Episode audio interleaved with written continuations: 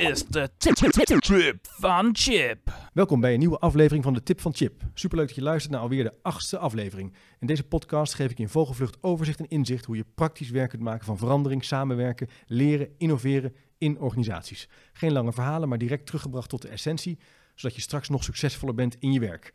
in deze achtste podcast staat het concept kennis delen centraal. En dan zou je denken, ja, is dat niet uh, iets van uh, de vorige eeuw, zeg maar? Knowledge management, kennismanagement. Maar ik denk dat het ontzettend actueel weer begint te worden. Uh, ik krijg in ieder geval veel vragen van organisaties die worstelen met kennismanagement. Die zijn dan ingestapt op het idee dat kennis meer is dan een IT-systeem, maar hebben eigenlijk nog geen idee op wat voor manier ze dat, die professionele uitwisseling moeten vormgeven. Um, ik zie het ook op Twitter en LinkedIn voorbij komen. Dat veel mensen bezig zijn met, met leerachtige architecten, architectuurstructuren. Dus uh, samenwerkingsvormen en ontmoetingen. Um, maar dan de vraag stellen, ja, wat is dan eigenlijk kennis? En uh, hoe kan je dat dan vasthouden? En ik wil eigenlijk in deze podcast op drie manieren naar dat idee van kennis delen kijken. Ehm, ten eerste vanuit het werk van Don Cohen en Lawrence Pruzak. Dat zijn toch wel twee helden van mij. Ja, klinkt een beetje zwaar, maar dat zijn de mensen die ik heb ontmoet in Amerika voorafgaand aan mijn promotieonderzoek die heel veel werk hebben verricht over kennismanagement. En die hebben onderzoek gedaan in hele grote organisaties zoals de NASA, de FBI, maar ook commerciële ondernemingen. En hebben hele duidelijke opvattingen over dat idee van kennis delen. En ten tweede zou ik willen kijken, hoe moet je eigenlijk naar kennis kijken? Wil je het überhaupt kunnen delen? Dat is even een doordenker, maar het is nodig, denk ik, om kennis te benaderen als een bekwaamheid, als iets wat iemand kan. Dus een vorm van know-how. En dan kom ik ook weer bij het vorige punt van Lawrence Pruzak en Don Cohen.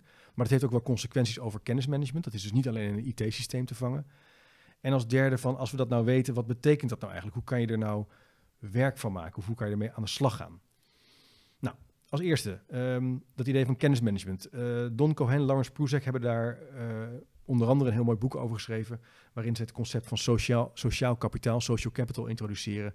En eigenlijk stellen dat elke vorm van informatieoverdracht of diepere vormen van kennis, dus informatie is op zich iets wat anders is dan kennis, want het gaat over een bekwaamheid en een houding of een attitude. Of ook wel tacit knowledge, kennis die impliciet is en die je eigenlijk alleen kan uitleggen door een verhaal te vertellen of door te reflecteren op een ervaring. Ze zeggen eigenlijk dat dat is eigenlijk alleen deelbaar in een organisatie waar vertrouwen is. Dus het concept van vertrouwen speelt daarin een belangrijke rol, maar ook wederkerigheid. Dus het is halen en brengen. Dus er is een netwerk van wederkerige relaties, waardoor mensen ook het de moeite waard vinden om kennis te delen. En dat er ook een noodzaak is. Dus er is ook een nieuwsgierigheid of een vraagstuk waar langs het kennisdelen is georganiseerd. Als er geen nieuwsgierigheid of vraagstuk is, dat zien we ook in leren, dan zal er ook weinig gedeeld worden. Want waarom zou je eigenlijk? Dus kennismanagementsystemen zouden er goed aan doen om die noodzaak eigenlijk ook goed te kunnen zien. In plaats van als het ware om voor de mensen te denken. Um, daar raak je al wel een aantal spanningen meteen. En um, ik denk dat ze daarin bijvoorbeeld ook uh, het punt maken tussen het verschil tussen informatie en kennis. Dus informatie is wat anders dan kennis. Kennis gaat over nogmaals een bekwaamheid die verbonden is aan wat iemand kan en wat iemand heeft laten zien of wat hij mogelijk in staat toe is. Hè. Dat zou bijvoorbeeld een arts kunnen zijn die een bepaalde handeling heeft uitgevoerd. Een uh, open hart uh, operatie bijvoorbeeld. Die kan dat uitleggen. Die kan daar iets over vertellen. Maar het zou heel ingewikkeld zijn om dat in een procedure helemaal uit te werken. Helemaal als het bijvoorbeeld iets misgaat. Of als er een samenloop van omstandigheden is waardoor hij misschien ook met de anesthesist moet overleggen. Of misschien de anesthesist uh, iets signaleert op de meter en hij of zij daarop moet ingrijpen. Dus dat zijn diepe vormen van kennis. En de vraag is, hoe deel je dat nou eigenlijk? En dat begint dus bij het idee om kennis ook te benaderen als een bekwaamheid. Daar kan je nog zelfs verder in gaan. Ik heb daar met Jozef Kessels ook best wel wat werk uh, en studie naar verricht. Van, zou je kennis ook kunnen opvatten als, uh, of kennis delen kunnen opvatten als een proces waarin je de bekwaamheid tussen mensen deelt en verbindt aan elkaar? Dus dat niet zozeer iets is wat ik kan en wat ik kom halen, maar waarin het sociaal geconstrueerd wordt. Je bent als het ware met elkaar in gesprek of aan het werk en daardoor creëer je kennis. En dat is in die tijd, in dat tijdelijke moment, kennis. En daarna zou het ook weg zijn. Dat de consequentie daarvan is dat, uh, dat een jurist die in een juristenteam of een rechter die in een, in een team uh, informatie uitwisselt of vragen stelt over een casus en een uitspraak doet, op dat moment kennis creëert. En alles wat hij vastlegt in een document, dat dat eigenlijk een herinnering is aan kennis. Is ook wel even een doordenker, maar dat is wel een belangrijk idee dat wat je vastlegt is in deze opvatting vanuit een sociaal perspectief op kennis een herinnering aan kennis, een document, maar het is niet de kennis zelf. Nou, als je dat uitgangspunt uh, omarmt. Het is een sociaal constructivistisch uitgangspunt op kennis. Ik ben nu inmiddels geneigd dat vooral niet zozeer op schoolorganisaties waar kinderen bijvoorbeeld les krijgen te leggen, maar met name op volwassenen, eh, volwassenen die in hun werk willen leren. Een sociaal begrip van kennis, waarin die kennis zich dus wordt gecreëerd tussen mensen in dat moment. Maar vraagt dat bijvoorbeeld um, kennis als te zien als collectief sociaal proces, dat je het ook zo waardeert en daar ook vanuit de leiding ook zo leiding aan geeft en dat ook erkent in de prestatie uh, afspraken die je met elkaar maakt. Hè, dus dat als het ware in de staande organisatie ook op die manier wordt omarmd. Als je dat dus niet zo ziet, is er een ja, misfit tussen wat je, hoe je het beoordeelt en beloont en hoe je het uiteindelijk uh, probeert groter te krijgen. Dat werkt dus niet. Dus je moet het ook op die manier zien. Een tweede punt is dat het vraagt een veilige leeromgeving, een klimaat, een werkplek waarin je dus ook ja, op je gemak bent om een vraag te stellen. Waarin het ook om gaat dat je je kwetsbaar durft op te stellen.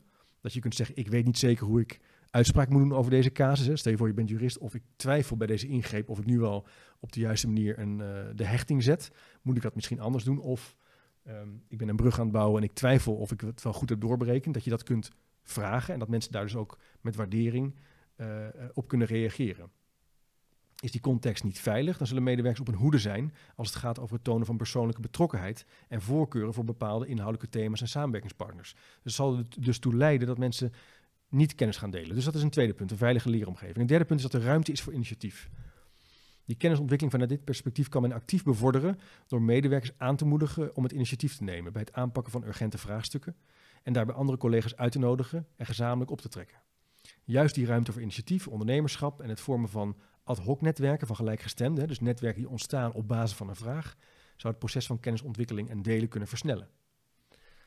En een ander punt is dat er een waarderende omgeving is waar in plaats van de nadruk ligt op de formele structuur, ook de nadruk ligt op werk goed willen doen in een omgeving waar mensen zich welkom voelen, uitgenodigd voelen om met hun vak bezig te zijn. En dat zal dus ook ondersteunend zijn aan kennis delen.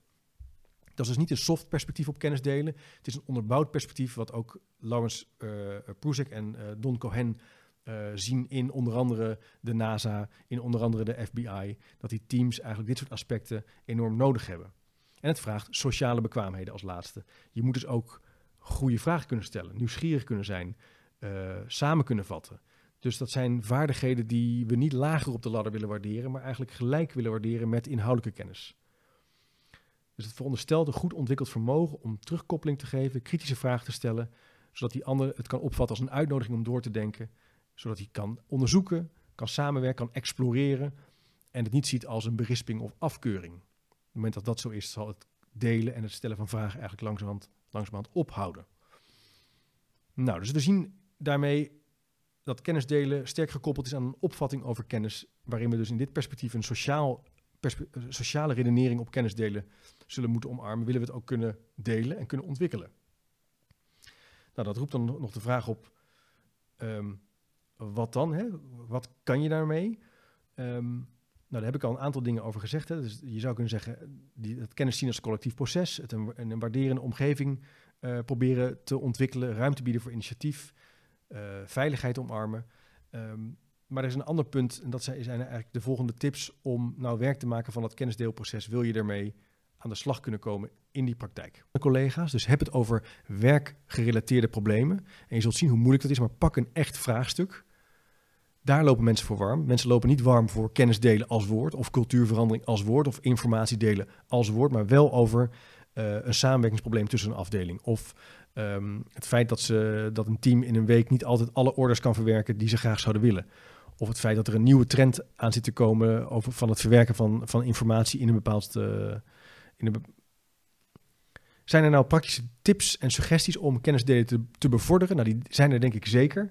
Um, een aantal uitgangspunten gaan je helpen om een experiment en je experimenten gericht vorm te geven. En de eerste is denk ik heel duidelijk, richt je op het vak van de mensen. Het vakmanschap staat centraal. Ga het niet hebben over kennis of over leren, maar stel een werkgerelateerd probleem centraal. Het is een, inzicht wat uit mijn promotieonderzoek sterk naar voren kwam en nog steeds denk ik heel erg opgaat. Mensen lopen warm voor hun werk, Mensen lopen in minder warm voor procesmatige reflecties over het werk. Natuurlijk sommigen wel en af en toe is het nodig. Maar als je kennis wilt delen, ga aan het werk.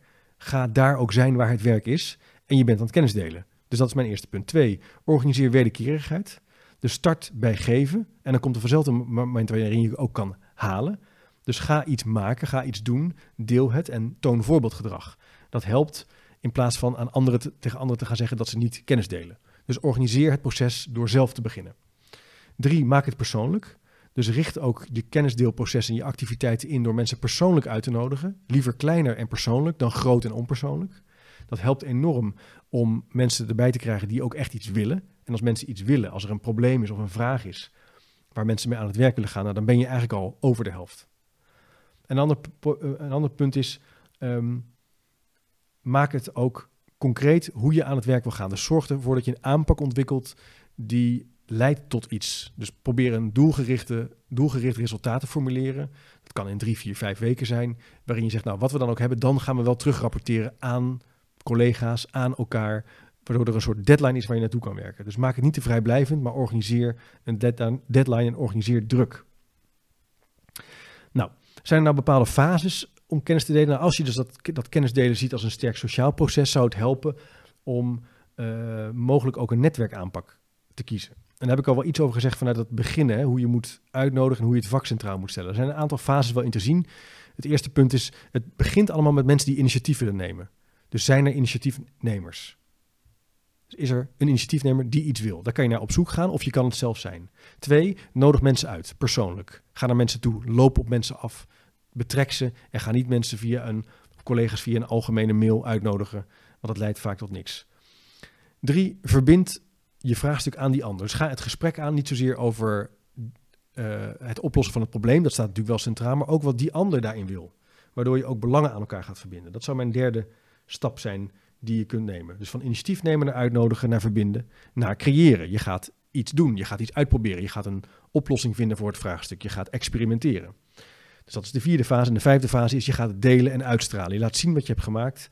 Daar ben je mogelijk ook wel trots op. Misschien is het wel mislukt. Dan kan je altijd nog je mislukking briljant presenteren. Dat is ook net zo goed een leerresultaat als een succesvolle oplossing. En je deelt als het ware de activiteiten en de resultaten. En door het te delen ontstaan weer nieuwe vragen, waardoor dit weer zal vervolgen in een nieuw initiatief. Je zou het bijna kunnen zien als een soort ritme. Nou, die netwerken vragen dus om een sterke verbinding met het uiteindelijke werk. Je moet het hebben van die verbeteringen en vernieuwingen die zijn zichtbaar in de organisatie. Je moet dus uitstralen. Formele en informele waardering is belangrijk. Hè. Mensen moeten zich ook wel gewaardeerd voelen ervoor in het groepje zelf of door anderen. Zorg en organiseer een vorm van procesbegeleiding. Dat kan heel simpel een collega zijn of het kan iemand van een opleidingstak zijn of een collega die daar affiniteit mee heeft. En probeer een dynamiek en een werkritme te houden die in lijn is met de strategie van, de, van je organisatie. En daarmee bedoel ik, als er een bepaalde tijdsdruk is in een bepaald kwartaal, probeer daar ook rekening mee te houden en daarop aan te sluiten of daar juist van weg te blijven door het eerder te organiseren. En kijk of je actieve ondersteuning en participatie van het management kan krijgen. Door bijvoorbeeld, uh, nou ja, ze kort uit te nodigen in het begin of om te vertellen in de uitstraalfase, die vijfde fase van die netwerkfase, om te laten zien wat je hebt gedaan. Nou, dat waren mijn tips over kennis delen in de praktijk. Vanuit het idee van die Cohen en Pruzek over kennis als iets anders dan informatie. Het is iets relationeels. Het hangt af van teams, van samenwerking, van vertrouwen en wederkerigheid. We hebben een aantal principes en perspectieven op kennis gedeeld. Het is een sociaal perspectief. Het is relationeel en niet zozeer cognitief geënt. En als je ermee aan de slag wil, kan je dat idee van netwerkperspectief gebruiken om het praktisch in je werk vorm te geven. Ik hoop dat je het leuk vond. Laat me weten wat je ervan vond. Kijk ook even op chipcast.nl voor nieuwe opnames die er aankomen. En als je een vraag wil stellen, kan dat natuurlijk ook via chipcast.nl slash doe mee of chipcast.nl slash vraag. Tot de volgende keer maar weer.